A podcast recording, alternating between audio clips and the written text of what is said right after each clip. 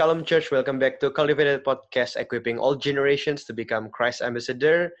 Senang sekali hari ini host kesayangan kalian, saya, ya, Rafael Satria, bersama teman baru ini. Host baru, siapa perkenalkan dirimu? Halo, nama gue Sinta. Um, ya, baru pertama kali nge-host hari ini. Iya, ini uh, nge-host pertamanya Sinta ya? Iya. Uh, kita dukung teman-teman Sinta. Iya. Ayo Sinta, kita mereceh Sinta. Hari ini uh, eh, gue dan Sinta bakal membahas sesuatu yang berat nggak ya? Enggak lah ya, mudah-mudahan nggak terlalu berat. Kita pengen ngebahas, pengen kita pengen ngomongin yang namanya progress sanctification. Sanctification itu apa? Nanti kita akan bahas di sini. Cuman basically uh, kadang-kadang kita suka bertanya-tanya. Kita tuh udah selamat katanya, tapi kok katanya Tuhan menebus dosa, tapi kok masih sering juga jatuh dalam dosa. Nah, nanti kita akan bahas, tapi uh, buat teman-teman yang di YouTube, silahkan cek ke YouTube kita karena kita ada mukanya. Dan hari ini spesial sekali karena kita kedatangan pester tamu. Wah, sangat-sangat spesial hari ini kedatangan Pastor Ray Kaunang, ketua uh, GBI 1 Australia atau kita biasa sebutnya IBCA ya, International Battle International Battle Church Australia. Ya, sekarang Pastor uh, Ray ini uh, menggembalai di Philadelphia Church di Sydney ya, Pastor. Ya. Shalom, Pastor. Shalom. Shalom. Halo, Pastor. Di uh, Kabar baik, Pester, selama COVID gimana? Ah, sement uh, waktu COVID eh, kebetulan saya baru pulang tuh, baru pulang dari Europe tanggal 18 Maret. Oh, jadi harus itu ya? Harus isolation. Ya self isolation ya. 15 hari, eh 14 hari ya. Jadi pas baru hmm. pulang, pas baru pulang itu. Dan itu juga kita mengkat perjalanan kita selama harusnya kita di Europe tuh sampai tanggal 1 kalau nggak salah 1 April baru nyampe. Oh. Tapi waktu di Belanda tiba-tiba pemerintah Belanda menutup menutup lockdown iya, iya, harus iya. balik cepet-cepet ke ke Jakarta lagi lewat Jakarta Jakarta langsung ke ke Sydney nyampe blek langsung surat ngikutin prosedur harus self isolation dan 14 hari ya. Claustrophobic juga sih kan 14 hari kita di rumah cuma yeah. lihat istri balik di situ. Tapi we, we enjoy lah. Setelah itu baru merdeka free. Untung boleh pulang ya Pester ya? Kalau enggak nanti ada GBI Belanda nanti. Ada GBI Belanda. Karena kita mau mesti ke Rusia waktu itu mesti ke Rusia mesti ke ke mana ke Czech Republic, mesti ke ah. beberapa tempat gitu ya ya ya Tuhan atur begitu rupa lah supaya karena my leaders telepon cepet-cepet Pak mesti balik kalau enggak nggak ada acara Jumat Agung nih katanya. Kami pikir Jumat Agung masih bisa ternyata nggak bisa juga. I see, I see. Fun, fun, fun. Dan semua orang pada stres. Saya lihat di airport di airport airport di Europe sepi yeah. sekali, sepi. Hmm. crowded. Misalnya contohnya Schiphol, Schiphol itu kan airport terame di dunia ya. Hmm. Big, rame, nggak pernah sepi lah sepanjang saya pergi ke Europe puluhan tahun. Itu airport tuh nggak pernah sepi. Tapi hari itu sepinya minta ampun. Hmm. Itu nah, bulan Maret loh, itu bulan Maret. Maret. Gak kan nih hmm. sekarang. Hmm. Udah, udah gak ada penerbangan kali. Ya, iya, di lock semua. Ah, I see, I see. Pastor, intermezzo sedikit. Saya kan dulu juga tinggal di Sydney, Pastor. Hmm. Villa, saya cek, saya kemarin cek di Google, Philadelphia yang depannya barbecue Korea itu bukan sih, Pastor? Dulunya, ya dulunya. Oh iya iya iya, saya saya saya pernah saya saya pernah lewat memang terus saya kayak kok ada gereja di sini. oh iya iya berarti iya saya hmm. tahu saya tahu saya tahu. Chinatown, di Chinatown. Chinatown, iya iya iya. Iya iya betul, iya. Ah, I see, I see. Karena banyak orang nggak tahu itu GBI.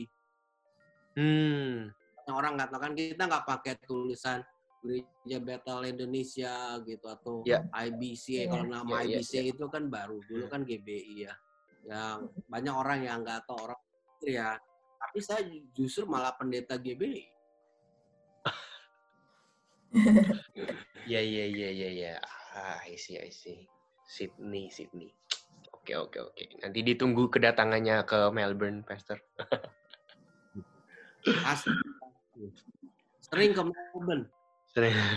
Iya. gimana Pastor? Pernah diundang oleh Bethany Melbourne sering ke Melbourne. Itu nanti Mbak Silakan. Udah janji sebenarnya udah dijadwalin kalau nggak salah udah dijadwalin bulan Maret kemarin kalau nggak salah saya, saya ingat tuh saya dijadwalin tapi ya nggak jadi mau gimana iya covid begini Covid ya. Pastor kalau kita eh, untuk mengenal le- lebih dekat nih kan apa mungkin teman-teman juga ada yang mungkin baru pertama kali kenal dengan Pastor Ray. Aku suka ini aja sih, aku suka tanya background biar kita lebih dekat gitu. Pastor eh, lahir di Jakarta kah atau saya lahir di Manado oh Manado? lahir di Manado besar di Jakarta Di Jakarta. umur 27 tahun saya udah di Australia jadi saya Untuk- saya sekitar 50 sekarang 50 berapa ya? 54 saya ya terbuka Oh, aja saya 54 tahun berarti hampir half Hampir of my 30 tahun. ya iyalah begitulah eh, di sini Oh, lebih ya. Waktu ke Australia maksudnya untuk belajar untuk studi atau Ya, memang layanan saya Hmm. Oh, memang memang memang sudah memang ada memang udah ada rencana untuk pelayanan ke Boleh Iya, diceritain? ditarik, ditarik oleh satu gereja eh saya boleh begini ya Bisa. Boleh, boleh. boleh, boleh. Senyamannya. gereja ditarik oleh satu gereja untuk bantu youth-nya eh, Hmm. untuk empat tahun youth musiknya lalu sesudah itu saya balik ke Indonesia eh, tapi sebelum saya pulang tahun 95 I think probably tahun 95 Tuhan tuh kasih visi buat saya untuk saya buka gereja di di di Australia tapi saya nggak tahu tempatnya di mana. Jadi Tuhan kasih waktu saya ingat tuh waktu itu lagi pulang pulang kebaktian doa malam terus tiba-tiba saya seperti dibukakan gitu langit gitu ya. Nah, sebenarnya sih saya nggak tahu tapi saya lihat aja gitu Tuhan kasih lihat sama saya ada kumpulan orang lalu ada mimbar lalu ada eh, apa namanya eh, kayak semacam gereja begitu model gereja. Lalu saya tanya itu apa itu? Oh itu gerejanya kamu. Kamu akan jadi gembala di situ. Oh oke saya bilang. Ya tapi itu tahun 95 96 saya kembali setelah masa kontrak saya selesai untuk pelayanan. Lalu saya nggak tahu bagaimana kejadiannya. Tetapi eh, this is the way how God's call us ya itu sebabnya makanya kalau dalam kalau di dalam kegiatan bergereja kan saya juga ngajar juga di sekolah-sekolah Alkitab saya selalu bilang untuk jadi pendeta itu jadi gembala itu eh, satu hal yang penting bukan hanya panggilan tetapi you harus punya vision dari Tuhan Hmm. karena visi dari Tuhan itulah yang akan mensustainnya kita gitu. Kita ngerti kenapa kita ada dalam satu tempat gitu. Ya, ya. Kalau untuk dipanggil-panggil aja sih mah orang banyak ya, tetapi untuk untuk untuk kita bisa establish, untuk kita bisa berkelanjutan fruitful ya, fruitful gitu ya, kita harus punya visi. Nah, dari visi itulah saya eh, ketemu dengan istri saya di Indonesia tahun 96. Tahun 96. Nah, tahun 97 saya dibawa ke satu daerah di di mana ya di Sulawesi ya di Sulawesi. Eh, lalu di Sulawesi tersebut ada tamu dari ada tamu dari apa dari I think dari dari Malaysia kalau nggak salah. Saya terjemahin dia. Eh, setelah selesai udah mau tutup ibadah, dia panggil saya. Dia panggil saya dia bilang, "Eh, Eh, Tuhan bilang sama saya nih, eh, tahun depan kamu akan kembali ke tempat di mana kamu berasal. Saya kaget. Tahun depan gitu. dia nggak tahu hari itu saya ulang tahun. Tahu nggak? Tahun berikutnya 97 kami membuka gereja exactly tepat hari ulang tahunnya saya. Waduh. Oh. Iya iya iya iya iya. Puji Tuhan, puji Tuhan, puji Tuhan. Ya itu itu itu cerita cerita gimana gimana apa gimana kita starting the church gimana hmm. uh, ya yeah, it's it's excited lah fun menyenangkan ya. Tapi karena itu karena prosesnya untuk untuk sebuah visi dulu terlebih dahulu. Nah ini juga yang saya saya aplikasikan ke ke pelayanan. Ke misalnya kalau misalnya uh, setiap kali eh, pasangan-pasangan muda yang kayak seperti kalian gitu ya. Kan kita juga mulai dari student-student, student anak-anak SMA yang kita dapetin, lalu saya train mereka, saya ajarin mereka. Sekarang mereka jadi leadersnya kita. Nah, eh, saya bilang sama mereka sebelum mereka kawin, yang penting bagi kita kawin sih mah bisa cepat, bisa orang bisa kawin, bisa segala sesuatu. Tetapi apakah perkawinannya itu berdasarkan karena Tuhan memberikan visi buat perkawinan hmm. kalian? Nah, dengan adanya visi itu kan kita bisa terus mensustain perkawinannya kita. Nah, ini yang yang saya bawa dari apa yang Tuhan kasih di dalam pelayanan ke dalam uh, konteks konteks daripada uh, apa relationship di antara uh, yang akan menikah. Jadi ya. tempatnya kami saya tuh selalu pertanyaan saya terkenal. Pasti semua orang tahu. Kamu punya visi nggak kalau membangun rumah tangga? Kalau kamu belum punya visi, you must go to God, ask God, kamu berdoa, ya bisa dapat hari ini, bisa dapat dalam perjalanan kamu menikah, tetapi you must get that. Hmm. You must get yeah. that. Karena yeah, it is very important gitu. Yeah. Oh, menarik, menarik. Pastor, uh, biasanya kalau kita ngobrol nih sama bintang tamu, 90% lah, 90% pasti nggak um, pernah nyangka dirinya akan kayak uh, full time untuk melayani Tuhan. Kalau boleh tahu, Pastor Ray dulu kira-kira cita-cita apa tuh? Penyanyi, arsitek? Dulu saya cita-cita jadi Presiden Republik Indonesia. amin, amin. Kok amin sih? mulia, mulia, mulia, mulia. Lah benar. Kenapa? Karena papi saya pendeta. Hmm kami hmm. pendeta, saya tuh punya interest sekali very politik. Iya, politik, politik. Hmm. Saya dari dulu tuh senang politik. Politik saya mau jadi jurnalis. Nah, saya udah pikir-pikir kalau saya masuk jadi jurnalis, uh, pasti saya akan langkahnya masuk ke dunia politik. Dan itu dari kecil. Kalau orang kan dari SD kan ditanya, kalau anak-anak kelas 3, kelas 2, apa cita-cita kamu? Jadi pilot, mau jadi dokter. Kalau saya enggak, presiden. Karena dari kecil memang saya udah angan-angannya wujudnya saya jadi presiden ya, tapi Jokowi lah yang dapat lah kita mau gimana ya.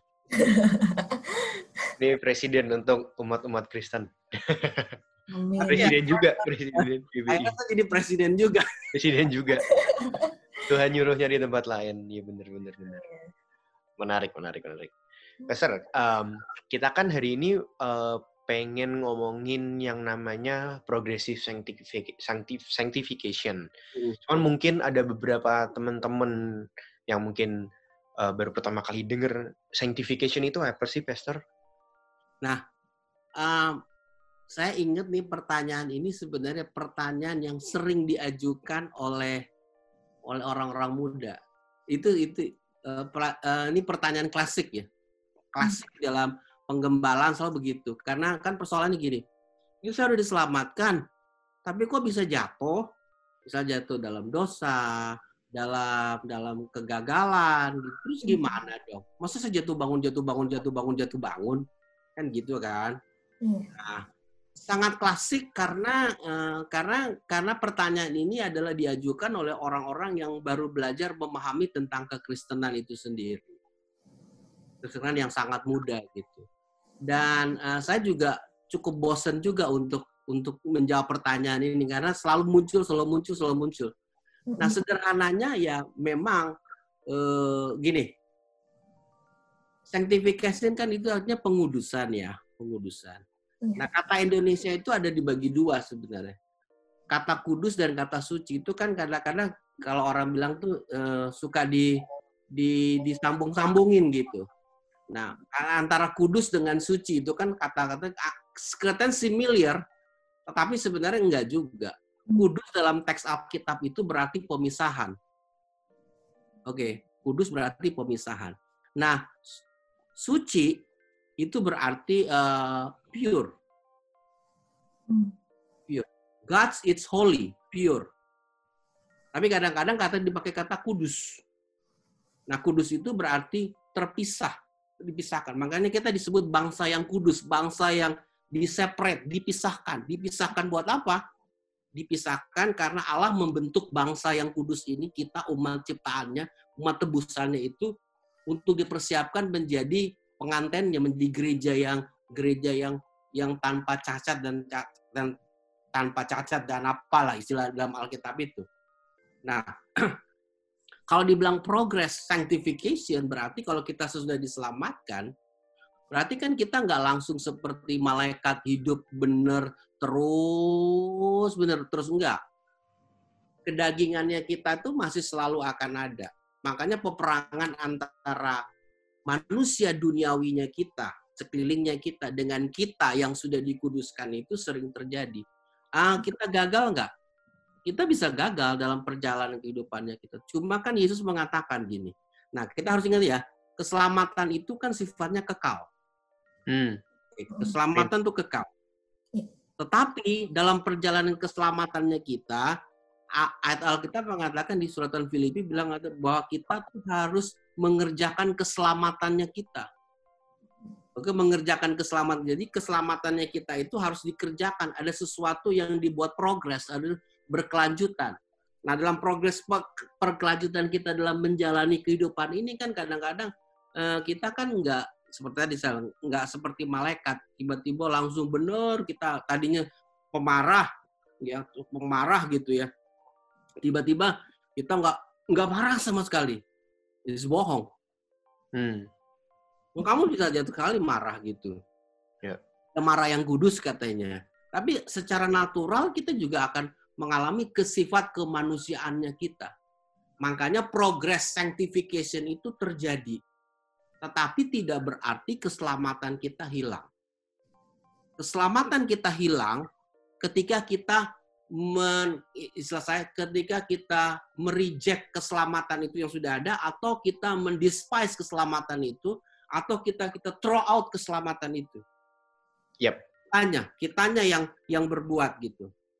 Nah, ini akan akan akan bersumber akan akan jadi jadi jadi permasalahan lagi yang besar nanti ada pertanyaan-pertanyaan lagi nih panjang jadi panjang.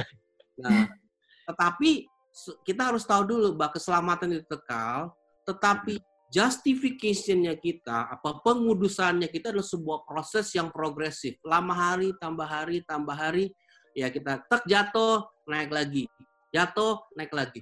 Jatuh, naik lagi. Jadi kalau kita orang muda nih, ini pertanyaan buat orang muda biasa, aduh Pak, kok saya jadi begini, gitu. kok jadi begini nih, tapi saya bener nih, ya nggak apa-apa, ya hidup dalam progression sanctification itu, nggak apa-apa sebenarnya, tetapi jangan juga, makanya kan teks Alkitab di satu Yohanes mengatakan, kalau kamu berbuat jahat ya kamu harus minta ampun maka Allah memberikan pengampunan kepada kita. Makanya Yesus mengatakan berapa kali harus mengampuni? Sampai 70 sampai 7 kali Petrus bilang enggak sampai 70 kali 7 kali artinya pengampunan itu selalu Tuhan berikan kepada kita.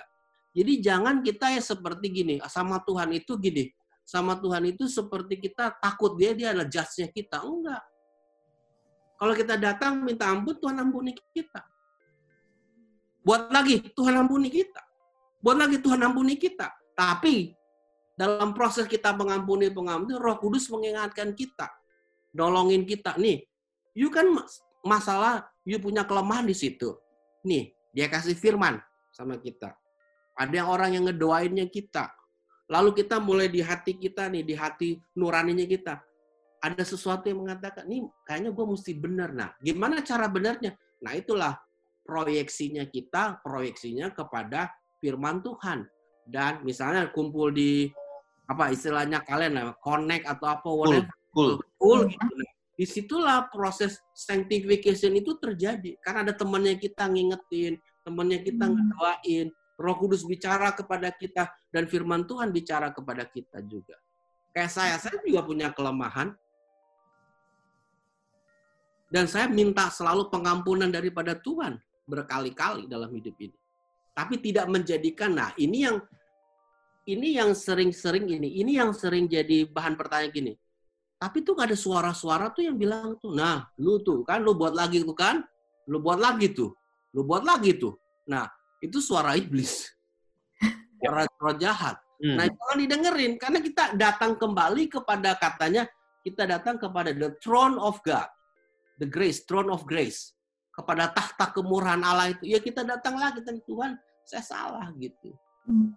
Makanya itu sebabnya ya kalau orang dunia mengajarkan dosa itu feel guilty.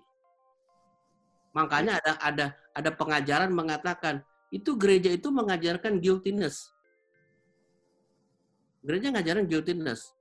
Enggak, ya. kalau kalau psikologi modern enggak, lu mesti harus bebasin daripada yuk, perasaan guiltymu gitu. Hmm. Ya. Psikologi modern sekarang lu bebasin, you're free as a human you're free gitu. Hmm. Tapi tetapi guiltiness itu bagus. Ya. Kenapa? Karena mengingatkan kita, Roh Kudus ingatin kita, lu salah. Nah, kalau kita diingatin oleh Roh Kudus, nih kita kan ngomong orang Kristen ya. Iya. Jadi orang Kristen itu diingatkan oleh Roh Kudus, ya datang kepada kepada kepada tahta kemurahan itu dan minta pengampunan. Nah, hmm. saya percaya semakin lama semakin kita mengerti akan hal ini, kita akan paham apa namanya grace of God. Amin. Kita akan ngerti, oh itu grace of God begitu, gitu. Makanya tuh Paulus bilang begini, e, karena kasih karunia itu aku melakukan hal demikian. Kenapa dia kasih karunia? Karena dia tahu dia dulunya jahat. Penjahat dia, tukang pembunuh dia. Bukan pembunuhnya pembunuh, pembunuh orang Kristen ya bisa dibayangin aja. Gereja pun dilabrak sama dia.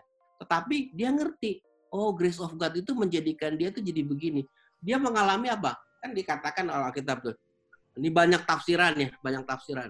Ini saya ngomongnya agak sedikit lebar-lebar, tapi nanti balik lagi. Nah, iya. Paulus bilang begini, dia memiliki duri dalam daging. Nah, banyak tafsiran mengatakan tuh duri dalam dagingnya dia apa?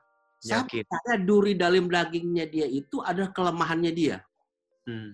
hmm. Nah, as an apostle, harusnya kan dia perfect, sempurna. Ya. Tuhan bilang enggak. Enggak apa-apa duri dalam daging itu supaya ngajarin kamu, supaya kamu tuh rendah hati. Makanya teks Alkitab tuh bilang waktu di Korintus mengatakan, aku mengenal seseorang yang diangkat oleh Tuhan sampai langit yang ketiga. Itu dia ngomongnya sebenarnya bicara dia. Bicara tentang dirinya dia sendiri. Tetapi kenapa dia pakai aku mengenal seseorang? Karena dia belajar tentang kerendahan hati. Kenapa? Karena duri dalam dagingnya itu. Nah, setiap orang punya kelemahan kita bersyukur dengan kelemahannya kita harusnya. Karena itu mengingatkan kita akan Tuhan itu berbaik kepada kita. Kita punya anugerah kepada dari Tuhan yang berlimpah. Nah hmm. jadi kita sebagai ya orang muda orang Kristen eh, jangan takut kalau kita jatuh dalam kekeliruannya kita. Bagi saya itu adalah sesuatu proses proses bagi kita untuk belajar untuk kita menjadi manusia yang dewasa yang akhirnya akan selalu tergantung kepada roh Tuhan. Nih, walaupun kita sering diajarin, dengerin roh Tuhan, dengerin roh Tuhan. Kadang-kadang kan gitu juga nggak denger. Iya. Yeah. Iya dong. Bukan yeah. berarti kita berdosa, tapi itu humannya kita gitu. Hmm. Nah, saya saya sering lihat nih, ada orang yang bilang, wah, gue hebat kok, gue gue luar biasa, gue nggak apa-apa. Eh, makanya Paulus mengatakan, orang yang mengatakan demikian hati-hati loh katanya. Hati-hati, jangan kamu jadi jatuh katanya. Nah, artinya kita begini, saya saya ngerti lah sekarang lah. Banyak anak muda sekarang itu mengalami masa proses yang demikian, tetapi you harus stick dengan firman Tuhan. Karena firman Tuhan itu akan akan akan mem, mem, memform kita, membentuk kita. Nah, jadi semakin hari kita ada dalam firman Tuhan, semakin Tuhan menunjukkan kelemahannya kita.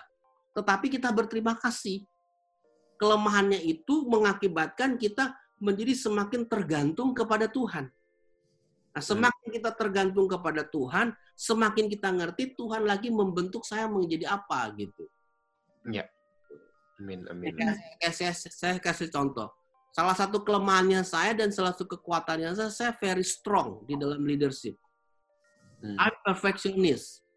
Uh, maunya begini, maunya begini, maunya begini, maunya begini. Maunya harus begini. Goal oriented. Goal oriented. Saya tuh goal oriented. Mesti begini, mesti begini. Saya kejar terus gitu. Tuhan bilang itu wrong. Tetapi dalam dunia leadership itu very good. Hmm. Tapi dalam dunia dalam dunia kekristenan, dalam leadership gereja, that's not right. Karena kita ini semua tergantung kepada Tuhan. Kan Alkitab mengatakan, manusia boleh merencanakan tetapi Tuhan yang menentukan langkah-langkahnya. Jadi kita boleh berbuat sesuatu, boleh punya visi, tetapi membiarkan Tuhan itu menjadi menjadi juru mudi kehidupan yang kita itu nggak mudah. Itu namanya proses pelajaran yang bertahun-tahun yang saya jalan. Nah, sama yep. seperti tadi. Sanctification, progress sanctification itu begitu. Sebuah proses yang lama yang kita belajar. Hmm. Sama seperti Jadi, inilah jatuh bangun jatuh bangun ya lama-lama dia akan kuat untuk berdiri. Iya. Jadi ya namanya progress ya berarti sampai sebelum kita mati ya Fester ya. Maksudnya belajar tuh sampai hmm. bahkan pas tua pun kita tetap akan terus belajar, tetap harus meminta ampun ke Tuhan, tetap harus hmm. repent. Ben ya. Bener gak Fester? Ya, iya, iya benar, ya. benar. Karena repent itu bukan waktu pertama kali kita datang di altar gitu kita repent enggak.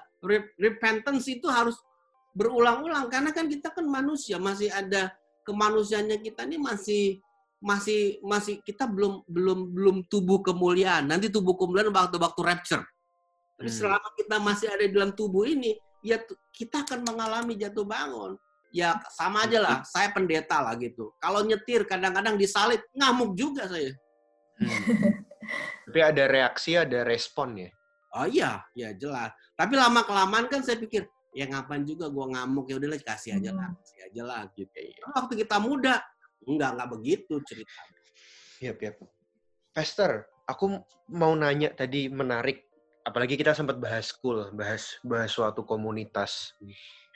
Kalau kita misalnya pakai uh, point of view orang yang um, barusan bertobat, dalam tanda kutip barusan Kristen, terus dia jatuh lagi.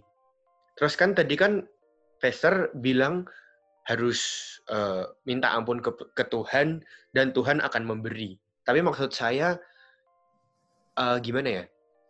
Dalam tanda kutip ya, Tuhan secara fisik kan tidak kelihatan gitu. Maksud saya adalah kayak I've seen I've seen so many friends of mine gitu yang dulu gereja bareng gitu dan dan jangankan kita ngomong 10 tahun kemudian ya berarti ini saya ninggalin uh, jadi curhat nih.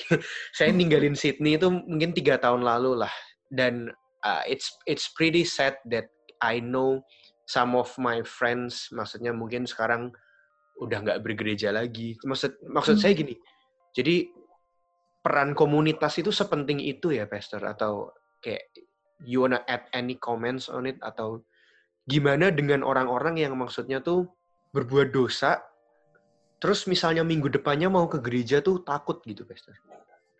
Ya, kalau misal konteks konteks komunitas ya, saya jawab dulu ya yang pertama. Konteks komunitas itu sangat penting dalam pertumbuhan ya, dalam pertumbuhan sangat penting. Itu sebabnya gini, kalau orang baru pertama kali jadi orang Kristen, ya namanya baby, dia hmm. harus punya uh, supporting dong, supporting community yang nolongin dia. Dan dia juga nggak tahu, nggak tahu banyak. Makanya saya itu sering mengajarkan gini, kalau you baru pertama kali hadir dalam sebuah gereja dan baru kali bertobat, berkenal Yesus baru baru awal gitu, ini uh, harusnya masuk ke komunitas cool atau whatever you call it gitu, cell group di tempat kami namanya uh, C23, uh, itu hmm. harus masuk ke situ. Di situ kita bertumbuh, di situ kita bertumbuh. Lalu ngikutin beberapa bagian-bagian dalam dalam biasa kan di gereja tuh ada tuh uh, bagian pemuritan, kelas-kelas pemuritan, belajar begitu. Nah, di dalam kelompok ini kita bisa melihat sebenarnya di sel group itu kita bisa melihat uh, the real Christianity itu di situ. Hmm. Bukan di gereja ya sebenarnya. The real Christian. orang bergulat dengan permasalahannya, addictionnya, hmm. permasalahan dengan masa lalunya, identity hidupnya, permasalahan dengan relationshipnya, dengan segala sesuatu yang yang that's the real one gitu, that's the real things gitu. Hmm. Nah, di situ dan nanti di situ dilihat, di situ baru kita bisa menemukan bahwa terjadi pergesekan, pertemuan itu mengakibatkan tadi pertemuan. Harusnya pertemuan-pertemuan itu mendatangkan keberkatan buat yang hadir di dalamnya. Nah, hmm. uh, mengenai orang ini, mengenai orang yang apa? Dia berbuat dosa lalu lalu apa namanya? Ini lalu saya saya saya saya cut sedikit ya, Pastor. Saya pernah punya temen bilang kayak gini. Orang orang Bandung waktu itu. Saya teh uh, aku teh sebenarnya pengen pelayanan tapi takut maksudnya tuh dia sadar dia tuh banyak dosa gitu. ya karena gini, harusnya dia ngomongnya itu gini kepada leaders yang bagus ya. Aduh, saya ini mau pelayanan tapi saya banyak dosa loh. Kan dosa kita udah diampuni. Kenapa kita harus mengungkit-ungkit dosa lagi? Ya, yang yang lama sudah diampuni Tuhan. Nah pertanyaan itu kan kalau kita berbuat dosa dan besoknya kita mau masuk gereja, kita nggak mau masuk gereja. Enggak, justru kita harus bilang, You harus masuk gereja. Di tempat gereja itulah engkau dibenerin gitu. Dibenerin lagi, dibenerin. Besoknya lagi melakukan sesuatu, masuk lagi, dibenerin lagi. Nah, semakin dia keluar masuk keluar masuk dibenerin, lama-lama dia punya paradigm yang wow, Tuhan itu sebenarnya hebat sama saya. Saya aja nggak layak, tapi dia masih buka pintu buat saya. Dan waktu saya masuk di gereja, justru di gereja saya dibenerin gitu makin lama hidup saya yang mungkin berantakan, berantakan jatuh bangun jatuh bangun itu sekarang jadi saya kuat gitu. Gereja itu adalah hmm. tempat di mana Allah membuka dirinya untuk memberikan ini loh firman buat kamu. Lakukan saja gitu. Hmm. Nah, jadi saya banyak kalau banyak orang yang bilang, "Oh, nanti dia uh, saya mau melayani tapi saya banyak dosa ya." Sebenarnya ya di konseling aja lagi, dikasih tahu itu mah itu pikiran yang gak benar. Yesus sudah mengampuni dosa kita. Why we have to we have to apa? Bilang-bilang lagi, oh, kalau udah ya. udah udah udah begitu. Jadi sebenarnya itu masalah mindset orang ya. Karena kan tadi uh, pastornya kalau nggak salah bilang kalau misalnya guiltiness tuh sebenarnya sesuatu yang bagus juga buat kita. Apalagi kalau kita melakukan dosa gitu, itu help kita buat repent kan.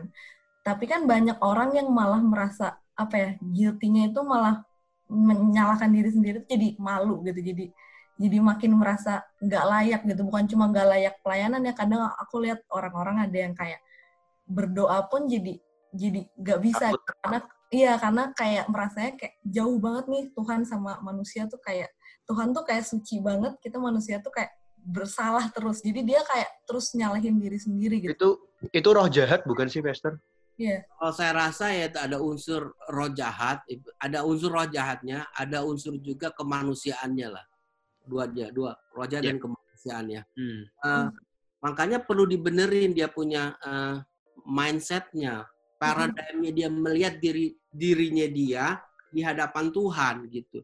Dan hmm. apa yang Tuhan perbuat untuk dia untuk masa sekarang dan masa yang akan datang karena kalau masalah pengampunan dosa, Yesus sudah melakukan long long time ago gitu.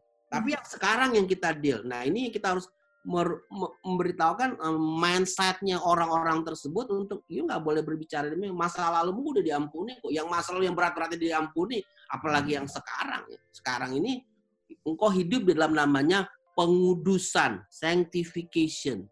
Hmm. Proses pengudusan itulah yang sedang terjadi dalam kehidupannya kita. Gitu. Iya, iya, iya. Hmm. Makanya teman-teman dengerin Cultivated Podcast. Iya. Siapa tahu ini menjawab dan membantu. bercanda, bercanda. Eh serius sih sebenarnya nggak bercanda.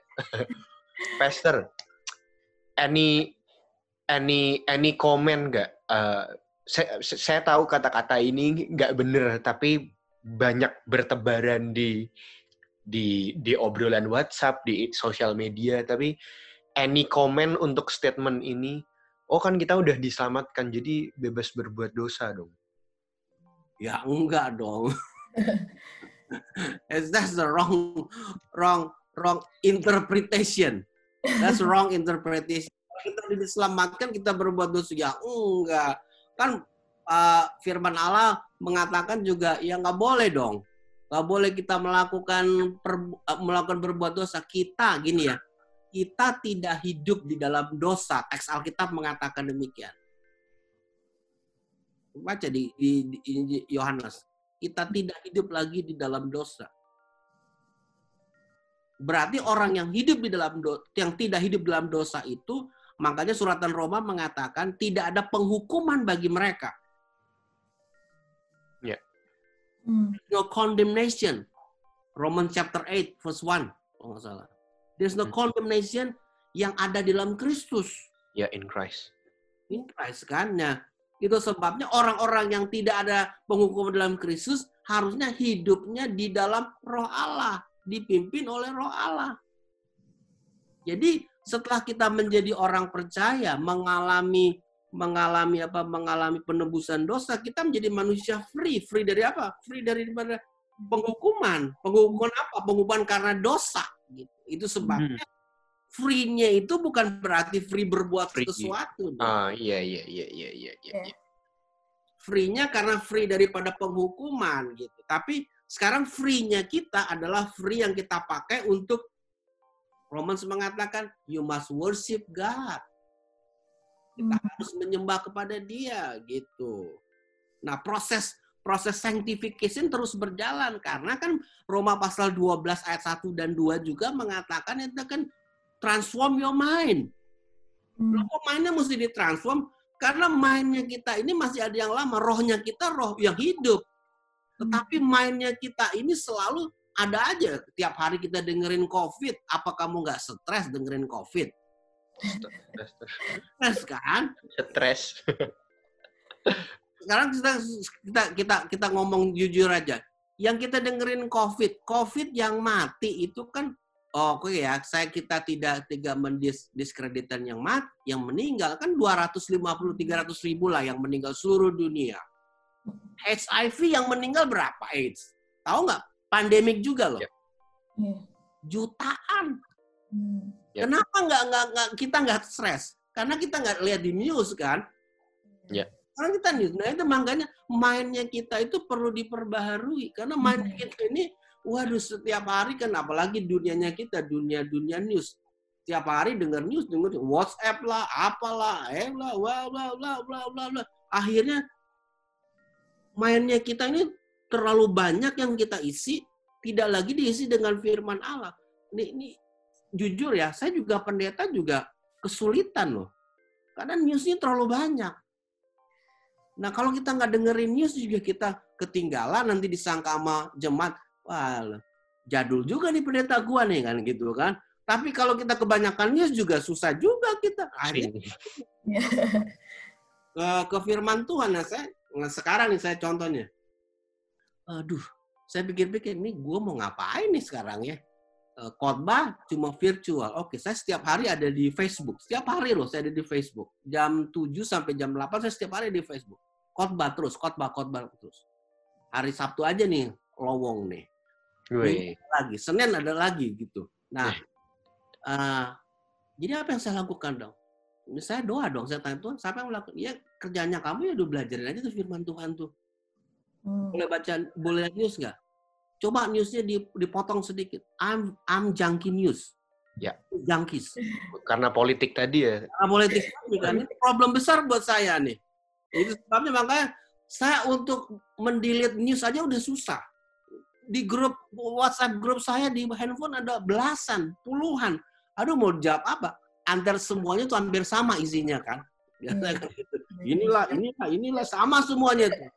Dan kalau sekarang COVID semua, apalagi kalau kita punya grup dari Indonesia kan, yang hmm. mati lah, yang inilah, yang inilah, inilah, apalah, inilah. Ah. Ada yang hoax juga ya, Pastor? Ada yang hoax juga, ada yang antik-antik. Makanya mainnya kita ini katanya Joyce Meyer tuh, this is the our battlegroundnya kita sebenarnya nih. Ya. Makanya untuk untuk membenarkan mainnya kita itu perlu firman Tuhan yang kita dengar dan you must read yang good good reading lah, good bacaan yang bagus lah dalam dunia ini bacaan yang bagus. Tapi sekarang juga saya juga mikir-mikir ya. I have I have my my my own library, thousand books, thousand books di my kantor, di my rumah itu thousands book. So terlalu banyak juga bagi saya yep. juga nggak bagus. Lama kelamaan yep. saya yep. memilih buku yang saya baca. Yep. Ini saya kasih contoh nih. Satu kali waktu saya membaca sebuah buku leadership dari dari uh, dari vice chancellor-nya Southern California University. Nah, dia bilang begini, bagus dia bilang begini. Kalau kamu baca sesuatu ya, kalau baca koran katanya, kalau baca news, itu jangan baca sampai ke dalam-dalamnya. Baca aja depannya karena itu udah mewakili katanya, udah mewakili hmm. isi dalamnya kan. Dibaca headline-nya aja. Yep. Saya karena saya kan tadi kan saya bilang saya warta, saya ingin jadi wartawan politik. Jadi kalau koran tuh saya baca dari awal sampai akhir. Hmm. Bacain tuh semuanya. Bener juga. Kadang-kadang, oh iya juga. Uh, eh, 15 tahun yang lalu saya ngikutin pola itu. Saya udah nggak baca koran lagi. I'm serious, saya nggak baca koran. Saya kalau baca koran cuma lihat depannya doang. Oh iya, Dulu saya punya langganan news, langganan apa? Saya coba lihat aja sekarang. Nah, buku saya banyak. Sekarang saya cuma lihatnya buku apa yang saya yang bagus ya. Oh ya, cuma ini satu gitu saya lihat. Hmm. I'll, I'll, I'll book lovers lah saya. Kalau cium buku tuh seneng banget gitu. Udah itu. Waduh. Kapan-kapan mungkin boleh ngobrol lagi nih, Esther. Oke, okay. go ahead. Terus lagi. Jadi mainnya kita ya, mainnya kita tuh. Hmm. Apalagi Sinta? Aku ada pertanyaan nih. Um, ini sering banget ditanyain dan baru banget pas minggu kemarin di Kuo banyak banget anak-anak yang berdebat soal ini.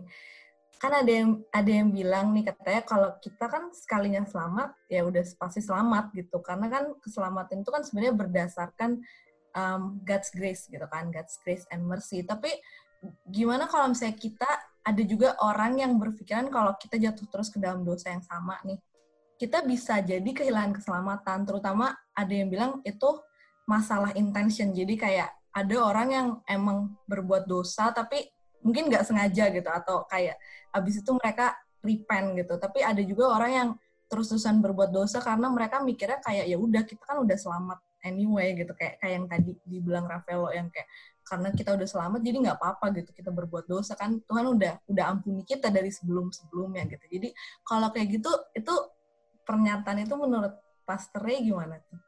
Uh, iya jadi ini pertanyaan yang klasik lah yang yang sering dulu waktu awal-awal saya merintis gereja ya pertanyaan ini yang sering diajuin. Iya. anak-anak muda ya. jadi uh, kita harus belajar gini, keselamatan itu kan prinsipnya kekal. Nah, keselamatan itu kekal. Tetapi ya, GBI mengajarkan keselamatan itu bisa hilang. Tapi begini, nah, nah tapi begini. Menurut saya, hilangnya itu sebenarnya susah gitu. Hilangnya itu susah, kecuali kita throw it back. Mm. Berarti dari awal memang udah nggak menerima, Pastor? Ah, men, ya uh, enggak. Kan kan kita masih Tuhan masih memberikan kepada kita kan uh, the free will untuk kita melakukan sesuatu. Hmm. Nah, makanya free will-nya kita waktu kita diselamatkan menerima keselamatan dalam Kristus Yesus, free will-nya kita tuh yang kita kasih kepada Tuhan. Hmm. Semuanya kepada Tuhan. Jadi istilahnya tuh sovereignty kehidupannya kita itu ada dalam tangan Tuhan. Nah, hmm. dalam perjalanan ini ya itu yang tadi jatuh bangun jatuh bangun itu yang progress sanctification terjadi gitu. Hmm. Nah, kalau kehilangan keselamatan itu karena kita sendiri mau kita throw it back. Kitanya yang mau. Tapi itu susah karena Roh Kudus ada dalam kehidupannya kita hmm. sebenarnya. Hmm. Dan Roh Kudus itu akan ngingetin. Makanya itu tadi itu perasaan bersalah kita berdiri, oh, you mesti repent. Nah itu Roh Kudus akan ingetin lagi gitu. Hmm. Jadi kalau pertanyaan itu ditanyakan kepada saya, jawabannya ya begitu. Nah, saya juga udah tanya nih sama bagian teologianya di Indonesia, itu keselamatan menurut GB itu gimana? Bisa hilang? Iya, bisa kata Tetapi menurut saya sangat sulit. sangat ya. sulit karena Roh Kudus kan kita udah lahir baru. Nah kecuali kamu uh, lahir barunya bohong-bohongan gitu karena mau mau nah. sama tuh cewek, ya. mau mau ada dekat ya kita sepertinya kita lahir baru lah gitulah kita uh, karena kita ngejar seseorang lah atau kita masuk gereja karena dia cakep. Ah gua karena anak itu alim tuh cewek itu alim mah gue juga mau ngeliat itu bohong-bohongan ya bisa saja terjadi. Eh sering kejadian loh saya sering kejadian saya nemuin di gereja. Dia bilang nggak ada. Tadi tadi makanya saya bilang kayak gitu karena it, maksud saya juga kayak gitu Pastor. Kayak mungkin dari awal memang dia seperti kayak bohong-bohongan gitu mungkin atau gimana Pastor ya, mungkin. bisa, bisa saya, saya, saya, saya, saya menemukan di pelayanan selama tiga hampir hampir 20 berapa tahun ya jadi gembala di Sydney ini. Ya banyak yang aneh-aneh gitu. Dan saya nggak bisa merang nggak bisa bilang itu tidak ada ada. Hmm. ada. Nah biasanya ya kalau yang begitu-begitu ya ketahuan. Cepet sekali ketahuan. Set tiba-tiba dia hilang. Ya udah that's it berarti dia punya tujuan tersendiri motivasi tersendiri gitu hmm. tapi kan sayang karena keselamatan itu kekal ya habis hidup ini kan kita ada hidup lagi. Amin. Ya. Hidup itu hidup kekal. Hidup kekal itu kan cuma dua. Bersama dengan Tuhan atau dalam penghukuman, itu aja. Makanya ya, makanya kalau di dalam gereja itu ya, orang kalau di dalam gereja itu harus, saya memakai kata dipaksa untuk melayani. Hmm. Hmm. Karena kalau kalau kita melayani Tuhan, kita bisa melihat uh, kadar pertumbuhan imannya kita, kadar kadar spiritualnya kita gitu. Nah, hmm. gereja tuh harusnya harusnya saya sebenarnya pakai senang kata memaksa untuk jemaat semua itu terlibat dalam pelayanan. Hmm. Karena dengan demikian you bisa mengkontribusikan sesuatu eh, parameternya kita kelihatan jadi jadi jadi jelas gitu.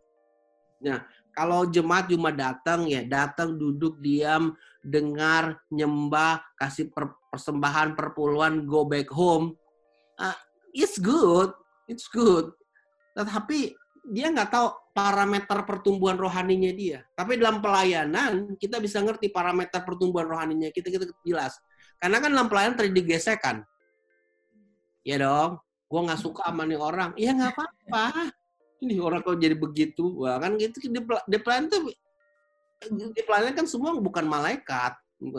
Ya kita ada yang suka ada yang jutek ada yang marah-marah ada yang ada yang narsis ada yang kepengen ini kepengen itu. Dia nggak tahu dia giftnya di mana. Nah di situ baru pastoral itu akan akan membagi mereka ke arah mana. Terjadi dalam gesekan pun ya nggak apa-apa. Di kalangan pendeta aja terjadi gesekan masa hmm kita mah jujur aja. Hmm. Betul. Dulu saya kalau gereja Sabtu udah dicariin. Untung dicariin ya. Jadi nggak bisa kabur. Apalagi Cinta? Um, kalau soal tadi kan um, di awal-awal ada um, ngomongin tentang keinginan daging sama suara Roh Kudus nih gimana sih? Ada nggak mungkin tips atau pengalaman dari Pare sendiri um, apa dengan progressive sanctification gitu kan?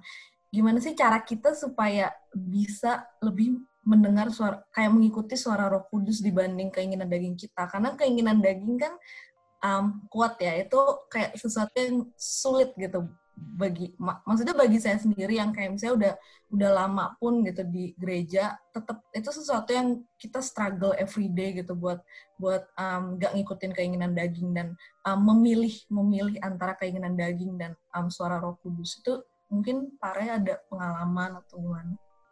Uh, ada sih Se semakin lama di dalam semakin lama kita di dalam Tuhan kita tuh sebenarnya semakin uh, bijak ya, bijak, wise. Kata istri saya harusnya semakin bijak. Nah, nah gini, saya kasih contoh begini.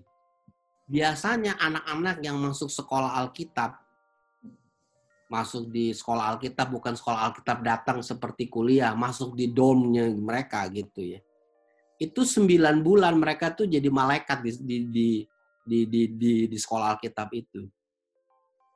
Ya dong, karena pagi berdoa, pagi udah belajar Alkitab, sampai malam bangun lagi berdoa, bangun lagi belajar.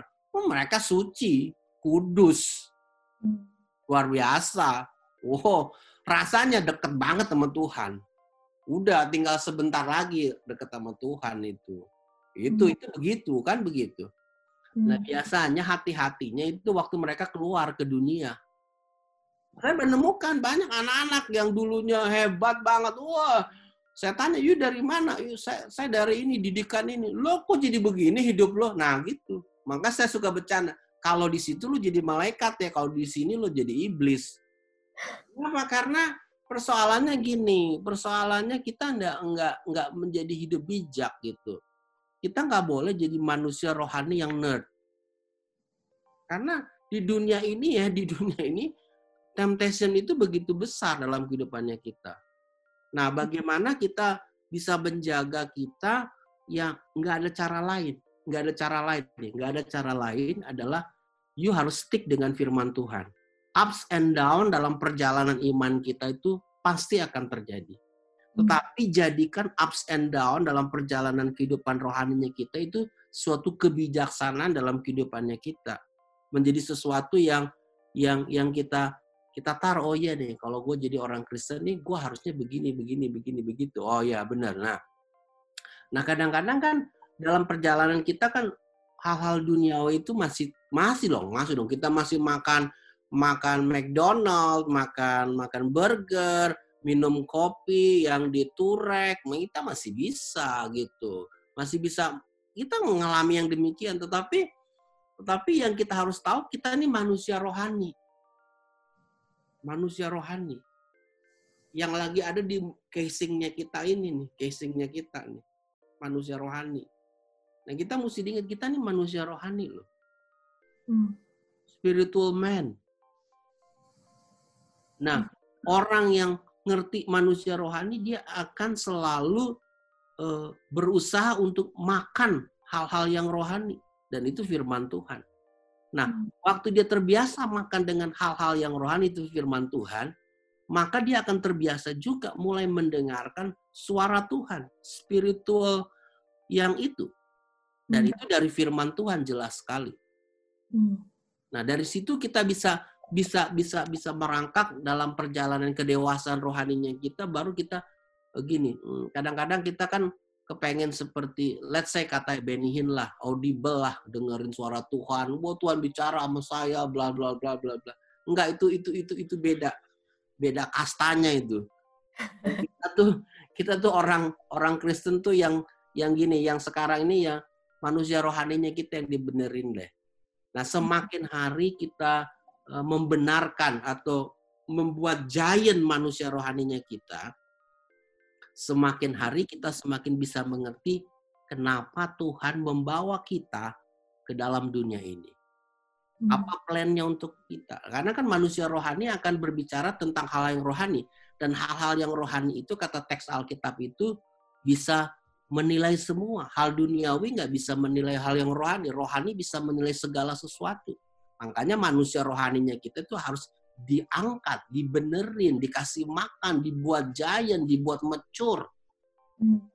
Nah ini ini yang harusnya sebagai sebagai orang uh, Sinta orang yang lama dalam Tuhan itu juga harusnya yang itu yang prospernya kita karena manusia rohaninya kita mempengaruhi sekelilingnya kita. Hmm. Mempengaruhi kita punya job, mempengaruhi kita punya future, mempengaruhi kita punya nanti kita milih pasangan hidupnya kita, mempengaruhi apa saja karena manusia rohani itu mempengaruhi sekelilingnya kita. Hal-hal yang duniawi tidak bisa mempengaruhi hal-hal yang yang rohani. Nah, jadi jadi sarannya saya sih kalau kalau kalau kalau kalau saya di ya nggak usah nggak usah nggak usah nggak usah terlalu berkelebihan untuk uh, suara Tuhan itu gitu. Kadang-kadang hmm. ada yang sering nanya, ini saya punya pasangan nih dari Tuhan apa enggak enggak? Ya kan karena kalau saya pacaran dengan orang ini uh, dari Tuhan apa enggak? Ya sebenarnya dari Tuhan apa enggak? Yuk baca firman Tuhan ya misalnya yang baca firman Tuhan, dia udah udah tahu nggak seiman gitu. Ya lo maksa ya, tapi saya cinta. Ya nggak udah nggak bisa gitu aja. Jangan dipaksa-paksa lu. Gue mau dengar suara Tuhan. Udah salah, udah nggak bisa gitu. Paksa ya Pastor. Nah, udah udah udah udah nggak bener gitu gimana mau cari suara-suara Tuhan udah nggak ada lagi tuh suara Tuhan karena suara Tuhan udah ada di firman Tuhan itu sendiri gitu. Dan ya dan dan dan itu salah satu dan salah satu keinginan daripada orang muda ingin cari sesuatu dari Tuhan ya udah baca Alkitab aja. Nah hmm. dalam masalah relationship ya orang muda relationship saya selalu bilang udah tenang-tenang aja. Kalau datang dari Tuhan, nih kalau datangnya dari Tuhan, nih itu kalau datangnya dari Tuhan itu sebentar, nggak pakai lama-lama. Hmm. Tuhan, that's it gitu aja. Dan you akan menikmati gitu. Hmm. Jadi aku bisa simpulin kalau yang tadi Master yang ngomongin, sebenarnya tuh jadi yang kita memulainya dengan membangun spirit kita kan, rohani kita. Karena banyak juga sih aku lihat kalau teman-teman aku ya ada beberapa yang dulu tuh mereka kelihatan mature banget gitu. Maksudnya spiritually kelihatan sangat mature, tapi uh, pas udah udah bergaul dengan kayak um, orang-orang sekuler gitu, orang-orang duniawi, perlakuan mereka tuh beda gitu sama di gereja. Padahal kelihatannya tuh udah mature spiritually. Tapi kalau menurut kesimpulan yang tadi aku ambil, berarti sebenarnya kalau kita membangun dari rohani kita dari dalam, itu sulit ya buat di apa ya buat dipengaruhi sama um, duniawi. Ya, kan? Itu, hmm. itu betul. Jadi sekarang yang kita pentingkan adalah membangun manusia rohaninya kita. Hmm. Membangun manusia roh itu paling penting sekarang karena manusia rohaninya kita lah yang akan yang akan mempengaruhi seluruh kehidupannya kita. Hmm. Jadi kalau kita udah kita, kita manusia rohani, nah gini nih, saya kasih tahu ya, orang Yahudi itu punya punya sesuatu yang tidak dipunyai oleh orang di dunia ini. Apa? Mereka percaya segala sesuatu itu spiritual. Itu sebabnya mereka mereka mengerjakan sesuatu itu dengan dengan dengan dengan apa? Dengan penuh kesungguhan karena spiritual bagi mereka. Nah kita juga, apalagi kita udah dibenarkan oleh darah Yesus, dibenarkan oleh Kristus, harusnya kita adalah manusia yang paling ngerti tentang masalah demikian. Dan kita nggak boleh kalah dong dengan dunia ini. Itu sebabnya orang Kristen nih, orang Kristen benar harusnya jadi pemenang. You jadi di kerjaan tuh harusnya bisa naik, nggak bisa turun gitu lu jadi berkat untuk mereka gitu. Jadi di mana pun kita berada, entah itu cuci piring, jadi jadi cleaner, itu berkat karena kita manusia spiritual gitu. Dan orang yang spiritual itu mengerjakannya tuh sungguh-sungguh gitu. Dia ngerjanya sungguh-sungguh. Dia nggak, ah, gua, gua orang Kristen ya cuma doa-doa doang. Ya enggak, lu jadi sepertaksi sepertaksi yang bagus, the best yang lu berikan gitu. Jadi cleaner, cleaner yang the best. Karena dia manusia rohani. Jadi kita mempengaruhi sekitar, bukan dipengaruhi sama dunia. Amin, amin, amin. Mungkin sebelum kita beres, ada pesan-pesan buat pendengar kita nih yang sekarang lagi dengerin podcast ini. Apalagi kalau seputar topik sanctification, mungkin ada um, yang pengen pa Pastor Ray sampaikan buat pendengar-pendengar. Uh, kalau saya sih sederhana aja. Uh, jangan kita nyerah kalah dalam kekristenannya kita Amin. Kita menyerah kalah dalam perjalanan rohaninya kita. Hmm. Ups and down itu pasti terjadi. Hmm. Even yang the great man of God aja mengalami down, ups and down. Kita tidak perlu khawatir karena gini, hidup kita itu kan udah di tangan Tuhan Yesus. Hmm. Ada dalam genggamannya dia. Dia tahu apa yang kita sedang lakukan. Cuma yang kita minta adalah gini, Benar kata Tuhan Yesus. Roh Kudus itu diberikan kepada kita untuk mendampingi kita. Hmm. Jadi kita minta roh Tuhan, Tuhan pegang saya gitu dalam menjalani hidup ini. Ini yang saya concern, ini yang saya misalnya ini kelemahannya saya Tuhan. Pegang saya, saya ngaku ini kelemahannya saya. Tapi saya percaya engkau mengangkat saya gitu. Engkau nggak membiarkan saya tergeletak tetapi engkau mengangkat saya. Ah, itu indahnya kekristenan itu. Selalu hmm. ada second chance dalam hidup ini. Until nanti kita bertemu dengan Tuhan Yesus. Uh, satu pertanyaan terakhir boleh nggak, Pastor? Eh, boleh, boleh. Ini uh, out of context, tapi ini pertanyaan favorit kita biasanya kalau menjelang akhir. Uh, kalau Pastor Ray boleh share ke kita punya nggak Pastor favorite Bible verse atau atau dan dan favorite song? Uh, favorite Bible verse itu 1 Korintus uh, eh, 15 ayat 10. Coba saya lihat saya ada Alkitab. Oh. Itu saya juga suka, Pastor. Bentar. Oh, itu saya bukan deh, salah-salah. beda beda beda. 1 Korintus uh, eh, 15, sorry. 1 Korintus 15 ayat yang ke-10. Satu, ini saya baca ini, 1 Korintus 15 ayat 10. Tetapi karena kasih karunia Allah, aku adalah sebagaimana aku ada sekarang. Dan perhatikan ini kata yang bagus nih, kata Paulus. Dan kasih karunia yang dianugerahkannya kepadaku tidak sia-sia. Sebaliknya tuh, aku telah bekerja lebih keras daripada mereka semuanya.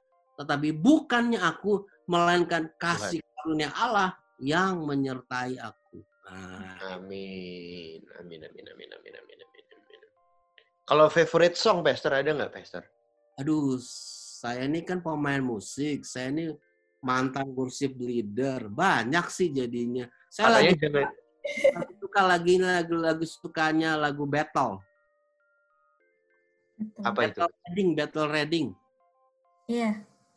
Oh. Battle reading tuh banyak lagu-lagu yang bagus tuh. Hmm itu battle reading paling paling saya suka. Sekarang paling saya suka. Cucu saya paling suka ditidurin lagunya pakai itu lagunya simfoni. Apa sih lagunya? nah, dia suka ditidurin oleh lagu yang ini. Namanya Tuhan oh, iya. Nara. Sekarang kan tidur pakai lagu worship. Kalau cucu saya tidur pakai lagu praise. Mantap sekali. Mantap, mantap. Thank you banget. Terima kasih sekali, Pastor Ray.